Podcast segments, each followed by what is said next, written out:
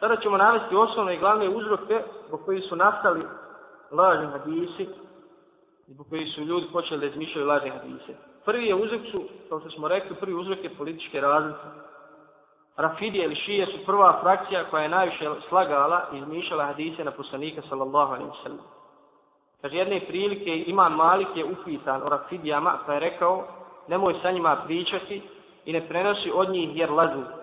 Kaže Šurej El Qadi prenosi, prenosi od svakog koga sretneš osim od Rafidija jer oni izmišljaju hadise i uzimaju ih za vjeru. Kaže Hamad ibn Seleme, pričao mi je jedan njihov šejh, pa kaže, mi kada se okupimo i nešto smatramo lijepim, učinimo to, učinimo ga hadisom. Znači izmislimo da je to hadis. Ehli sunnet kao najveći dokaz da šije izmišljaju hadise, uzimaju apokrifni hadis koji su izmislili, a glasi vasijet oporuka je u Gadir Hanu. Pojašnjenje ovog hadisa da je poslanik sallallahu alejhi ve kada se vraćao sa oprosnog hađa sakupio sahabe radijallahu anhum u mjestu zvanom Gadir Han. Uzeo je Aliju radijallahu anhu za ruku i stao s njim pred svima sahabima i dok su oni posmatrali to reče im ovo je moja oporuka i moj brat i halifa posle mene pa slušajte ga i budite mu pokloni. Za ovaj hadis ehli sunnet kaže da je lažni bez sumnje i da su ga izmisla rakidije. Također hadis koji glasi ko želi da gleda u Adema a.s. s njegovim znanjem, u Nuh a.s. s njegovom bogobojaznošću, u Ibrahima sa njegovom blagošću, u Musa sa njegovom uvaženošću i u Isa s njegovom pobožnošću, neka pogleda u Alim. Znači ovo su prvi hadisi koji su nastali, baš hadisi koji govore o vrlinama određenih osoba. Izmišljali su hadise o vrlinama Ehl Bejta, poslanikov sa nasadne porodice. Hadise koji, koji drde Muaviju radijallahu anhu. Mi znamo da su šije, jeli, kako oni kažu sedmi i sali radijallahu da oni brane istinu i da ovaj grde Muaviju zbog onoga što se desilo između Ali i Muaviju. Kažu u tom apokrifnom hadisu, ako vidite Muaviju na mom mimberu, ubijte ga. Na ovaj način da Rafidije su prešli sve granice u laganju poslanika sallallahu alaihi sallam. Tako da kaže Halili u dijelu El, Iršad, El, Rafidije su o vrlinama Alije i Jehlu Bejta izmislili oko 300.000 hadisa. Nažalost, pored Rafidija, pored Šija, neki sedbenici Ehli Sunneta zbog svog neznanja, zbog svog džehla, da bi se jeli, suprostavili, da bi odgovorili ovaj, kao reakcija na ono što su radile šije, počeli su da izmišljaju hadise. Međutim, ne u onoj mjeri koju su radile rafidije. Primjer takvog hadisa je hadis koje se prenosi kaže u džennetu nema ni jednog drveta, a da na, na, jednom, a da na jednom od njegovih listova ne piše la ilaha illa Allah, Muhammed Rasulullah, Abu Bakr Siddiq, Omer Al-Faruq i Osman Nurein. Znači ovo je izmišljeni hadis koji su izmišljeni nezal cehli sunneta da bi se jeli, suprostavili ili kao reakcija na ono što su izmišljali Rafidija i Ši. Također i pristrasne pristalce Moavije radi Allahan koji nisu bili objektivni, koji nisu jeli, uzeli stav ehli sunneta od džemata i nisu bili sedbenici znanja, izmišljali su hadise kao na primjer hadis kome se kaže trojica su povjerenika, ja, Džibril i Muavija. Trojica su povjerenika, ja, Džibril i Muavija. Sad se postavlja pitanje, znači ovo je kada, kada u pitanju sekta Šije ili Rafidije, postavlja se pitanje da li su Haridžije lagale, da li su Haridžije lagale na Allahu poslanih za. S obzirom da oni, da ta, da ta sekta ili frakcija da smatra kućini veliki grijeh, jeli, da izađe iz vjeri. Islamski učenjaci spominju da su Haridžije sekta koja je najmanje izmišljala hadise na Allahu poslaniku za selem, baš, baš iz ovog razloga koji smo spomenuli. To je frakcija koja se pobunila protiv Ali radijallahu an zbog toga što je prihvatio presudu, jeli, u onom slučaju, događaj koji se desio između njega i Moavije. Razlog po kojeg su Haridžije rijetko lagali na poslanika za selem je njihovo smatranje da je veliki grijeh nevjerstvo. Ali pored ove činjenice, neki njihovi predvodnici se nisu sačuvali od lažena Allahu poslanika sallallahu alaihi sallam. Prenosi se od jednog, od jednog od njihovih šehova da je rekao Uistinu su ovi hadisi vjera, pa vidite od koga uzimate vašu vjeru. Mi smo, kada bi nam se nešto svidjelo, to učinili hadisom. Ovu predaju bilježi Ibn Đevzi u svom dijelu, predgovor svog dijela El Maudu'at, to je dijelo u kojem je Ibn Đevzi sakupio apokrifne hadise. Kaže Abdurrahman ibn Mehdi, Haridžije iz Indijici su izmislili ovaj hadis, kada vam od mene dođe hadis, uporedite ga sa Allahom knjigu. Pa ako bude u skladu s njom, to je moj govor. Međutim, za ova dva apokrifna hadisa, ovaj prvi, ovaj drugi koji smo naveli, islamski učenjaci striktno ne tvrde da su, da su potekli od Haridžija. Prvi hadis također prenosi Hamad ibn Seleme od jednog grafidijskog šeha, šijskog šeha, pa postoji mogućnost da je pripisivanje ovog hadisa Haridžijama, Haridžijskom šehu greška. Znači postoji mogućnost da ovaj hadis potekao od, od šija, ne od Haridžija.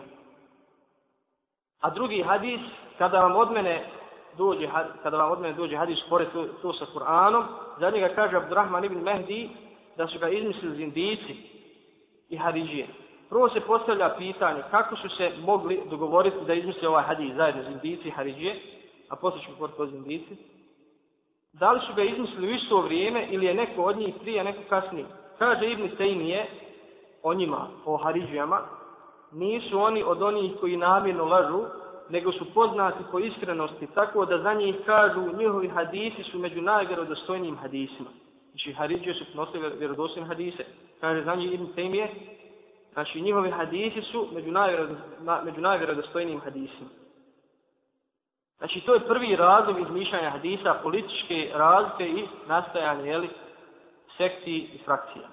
Drugi razlog izmišljanja hadisa su zindici ili drugačije rečeno dvoličnjaci koji su primili islam da bi rovarili protiv njega i da bi ga rušili iznutra. To je skupina koja prezire islam kao vjeru i državu.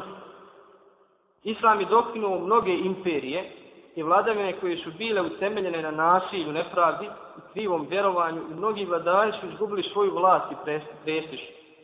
Ti isti vladari i alikani su tražili povoljnu priliku da se osvijete islamu, pa su uvidjeli da je najbolji način iskrivljavanje vjerovanja, dodavanje sunnetu i laganje na Allahu poslanika sallallahu alaihi wasallam bio jedan od najboljih načina da ostvare svoj zamišljeni cilj. Primjeri hadisa koji su izmislili zindici. Kada pogledamo na ove hadise, kada ih čujemo, na budu bila čovjeku se ježi koža, ko se imalo, jeli, ko imalo ima i mala u svome srcu, ježi mu se koža. Jer oni su prelazili sve mjere, jeli, u, svoj, u svom nevijestu, svom licemjerstvu, kada je u pitanju izmišljanja hadisa. Kaže, oni u jednom apokrifnom hadisu, koji su, koji su izmislili, kažu, Allah je stvorio meleke od laka sa svojih laktova i prsa na umu.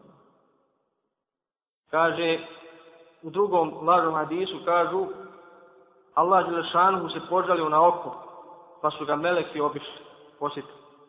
Dalje izmišljali su hadise koji su potpuno suprotni sa islamskim principima, kao što je gledanje u lijepo lice i bade. To bi bilo za ova vremena, ovaj, bi odgovaralo mnogim. Kad je tako su dvoličnjaci, tako su dvoličnjaci, zindici izmislili na hiljade apokrifnih hadisa iz oblasti akide, iz oblasti ahlaka, medicine, halala i harama. Kaže, jedan od dvoličnjaka po imenu Abdul Kerim ibn Ebi El Auđa, kada je doveden na pogubljenje, naravno, mnoge halife, jeli, stali su ali, u odbranu sunneta i stali su protiv dvoličnjaka zindika, kaže, kada je poveden na pogubljenje, priznao je da je izmislio četiri hiljade hadisa koji oharamljuju halal i ohalaljuju haram. Ti hadisi, naravno, raširili se među ljudima, tako da su islamski učenjaci, hadisi učenjaci imali veliku, veliki napor, ulagali su veliki trud da razvoje ovaj, sahije i vjerodostojne hadise od onih hadisa koji su daji, koji su izmišljeni, koji nema nikakve osnovne. Tako kaže, e, za njega kažu da ga je ubio Muhammed ibn Suleiman ibn Ali, koji je bio namjesnik u Basri.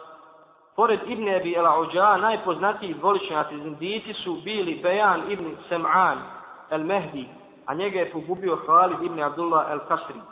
I Muhammed ibn Sejid al-Maslud kojeg je pogubio Abu Džafar al-Masud. Treći razlog izmišljanja hadisa je pristrasnost rasi, plemenu, jeziku, mjestu i imamu. Zato su pristrasni sljedbenice Buhanife izmišljali, izmišljali hadise koji su bili, jeli, koji su hvalili Buhanifu. Jedan od takvih hadisa koji je poznat i raširen među ljudima, sam ga čuo čak i neki jel, ubosti ga spominju. Kaže, bit će, pojavit će se u mome umetu čovjek koji će se zvati Ebu Hanife, on je svetiljka moga umeta. Hadis koji nema nikakve osnove, jeli, koji nema lanca prenosla. Također oni koji su koji nisu simpatizirali imam i šafiju, izmislili su hadis kojem stoji da će se u mome umetu pojaviti čovjek koji će se zvati Muhammed ibn Idris, to je šafija, kaže, on će biti štetniji za ovaj umet od Iblisa. Znači, ovo je bio jedan period kome je nastalo na hiljade i na stotine hiljada apokrifnih lažnih hadisa. To je znači treći razlog. Četvrti razlog su pripovjedači i vajzi koji su izmišljali hadise da bi ljude rasplakivali i da bi ljudima činili sjela prijatno. Zato ćemo vidjeti da su oni izmišljali hadise i priče koje su pripisivali Allahom poslaniku sallam. Primjeri takvih izmišljotina su riječi, to jest apokritni hadis kome stoji ko kaže la ilaha illallah, Allah će mu za svaku riječ stvoriti pticu, kljun će ju od, biti od zlata, a perje od, a perje od merđana. Kaže, jedne prilike imame Ahmed i Jahja ibn Ma'in su klanjali u mesjidu koji se zove Rasafa. Kaže, pa ispred njih ustade jedan čovjek, propovjedač, i počeo govoriti. Pričao nam je Ahmed ibn Hanbel i Jahja ibn Ma'in kažu, pričao nam je Abdureza kod Katade, a on od Enesa radijallahu an, da je poslanik sallallahu alaihi wasallam rekao, ko kaže la ilaha illallah, Allah će mu za svaku riječ stvoriti pticu, tu će joj biti od zlata, perje od merđana, znači prethodni hadis. hadis. Kaže, Ahmed i Jahja se pogledaše, pa Jahja upita Ahmeda, jesi li ti ovo pričao? Tako mi Allah ovo prvi put sada čujem, odgovore Ahmed. Nakon što čovjek završi priđe mu Jahja ibn Ma'in i upita ga. Ko ti je to pričao? Ahmed ibn Hanbel i Jahja ibn Ma'in odgovori pripovjedač. Jahja mu reče, ja sam Jahja, ovo je Ahmed i nikada nisam čuo za taj hadis. Na to čovjek reče, slušao sam da je Jahja ibn Ma'in Ahmad, ali sam se u to tek sada uvjerio. Jahja mu reče, a zašto? Kaže, e, on odgovori, zar na Dunjaluku ne postoje drugi Ahmed ibn Hanbel i Jahe ibn Ma'in mimo vas dvojice? Ja sam pisao od 17 osoba pod imenom Ahmed ibn Hanbel i Jahja ibn Ma'in. Pogledam do koje su mjere išli, jeli? Da su čak i pred onima kojima su pripsivali hadise, jeli? Potvrđivali svoju vlast. Ovaj, ovu predaju bilježi su ljuti. Također su ljuti spominje e, u svom dijelu koje se naziva Tahdiru al-Havaš min Akadib al-Kusad. Spominje predaju u tom dijelu da je jedan od ovih pripovjedača odsjeo u Bagdadu i prenio komentar ajeta, znači protefsirio ajet, Asa en jeb'ateka rabbuka maqamen mahmuda, gospoda tvoj će ti na onom svijetu hvale dostojno mjesto darva. I tvrdio je da će poslanik sa selem sjesti na arš, na bila zajedno sa Allahom Vilešanu. To je čuo Muhammed ibn Đerir, i žestoko se naljutio, naljutio. Otišao je njegovoj kući na vratima napisao Subhane men lejse lehu enis, wala lehu ala aršihi želis. Slavljen neka je onaj ko prijatelja, sudruga nema, i na čiji arš niko sjesti neće. Kada je ovo svijet pročitao, navalili su na njegovu kuću i kamenovali tako da je kamenje zatrpalo vrata.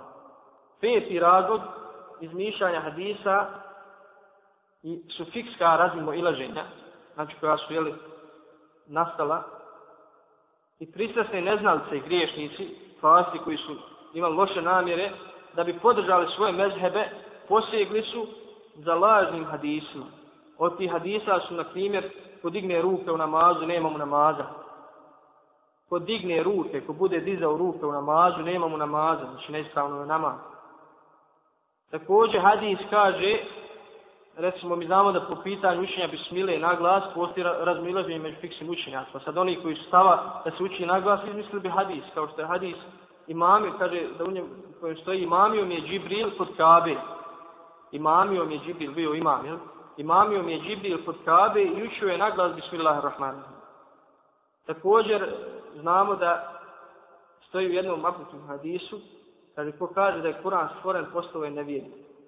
Znači oni koji su matrali, ovaj, to je sunta ili džemata da, da je Kur'an Allahov govor, tu se čuli, da nije stvoren, međutim, e, mnogi da bi to potkrijepili hadisima, ne znaš da je to, da je to zabranjeno iz mišljenja hadisa, izmislio hadiskom i kaže, ko kaže da je Kur'an stvoren, postoje nevinik. Mađe, mada je među islamskim, među islamskim učenjacima bilo oni koji su smatrali, jeli, ko kaže, ko smatra da je Kur'an stvoren, da je to nevjestvo, kao što imam Ahmed, kao što imam Ahmed, to je bio njegov stav. Šesto, šesti e, uh, razlog mišljanja hadisa je nepoznavanje vjere uz postojanje, uz postojanje želje za hajrom. Imali su jel, dobre namire, ali su bili džahli, nisu poznavali vjeru. Često su pobožnjaci, dobri, dobri ljudi izmišljali hadise da bi posticali ljude na hajr, na, na dobro, vjerujući da se na taj način približuju uzvišenom Allahu Bilšanu. Tako što su islamski učenjaci upozorili na to hadisom, ko na mene namjerno slaži neka pripremi sebi mjesto u džehennemu, oni su rekli, mi lažemo, mi ne lažemo na poslanika, mi lažemo za poslanika. Kaže, i primjer izmišljenih hadisa, koji su izmislili eh, neuki pobožnjaci, možemo slobodno vrsti ovu jel, kategoriju hadis, držite se imana svojih nana. Ili možemo to karakterisati kao, kao pristrasnost mezhebu. Primjer izmišljenih hadisa su hadisu, hadisu o vrijednosti određenih kuranskih sura. Znači, ako bi, ako bi ovaj, htjeli da, da, da pohvali neku suru i da, da je učenje te sure ima svoje vrijednosti, vrlin, on bi izmislili hadis o tom. Kaže, Nuh ibn Ebu Merijem je priznao da je izmišljao hadise na ovu temu. Upitan je, otkud da ti prenosiš hadise od ikrime, od Ibn Abbasa u vrijednosti učenja pojedinih sura, kad niko od ikrimenih učenika od njega ne prenosi takve hadise.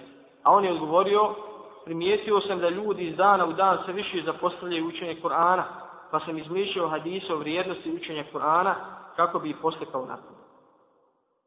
Ne znajući da postoje jel, sajih hadis koji govore o vrijednosti učenja Kur'ana i nije, nije imao potrebe za izmišljanje apetnih hadisa. Sedmo, sedmi razlog izmišljanja hadisa je približavanje vladarima i emirima onim što odgovara njihovim željama i prostevima. Primjer spomenutog je postupak Grijasa ibn Ibrahima kada je došao kod halife El Mehdija, a on se zabavljao s golubom. On mu je spomenuo hadis, kome je u Selem kaže, nema natjecanja osim u streljaštvu, devama i konjima. Pa je dodao ili pticama, nakon što je vidio, jeli, ovaj, El Mehdija halifu, da se, da se zabavlja sa golubom kaže da, da, bi, da bi zadovoljio Mehdija, da bi postigao njegovu zadovoljstvo. Kaže, Mehdi mu za uzvrat podari deset hiljada srbenja. Naravno da Allah Đelešanuhu nije u svakom vremenu dao ljude, učenjake koji su stali nasuprot oni koji su izmišljali hadise, u ovu vjeru bi se svašta uvuklo i ova vjera bi se, jeli, ovaj, skrnavila, kao što je to bio slučaj sa ostalim vjerama da Allah Đelšanu nije dao ljude koji će čuvati ovu vjeru.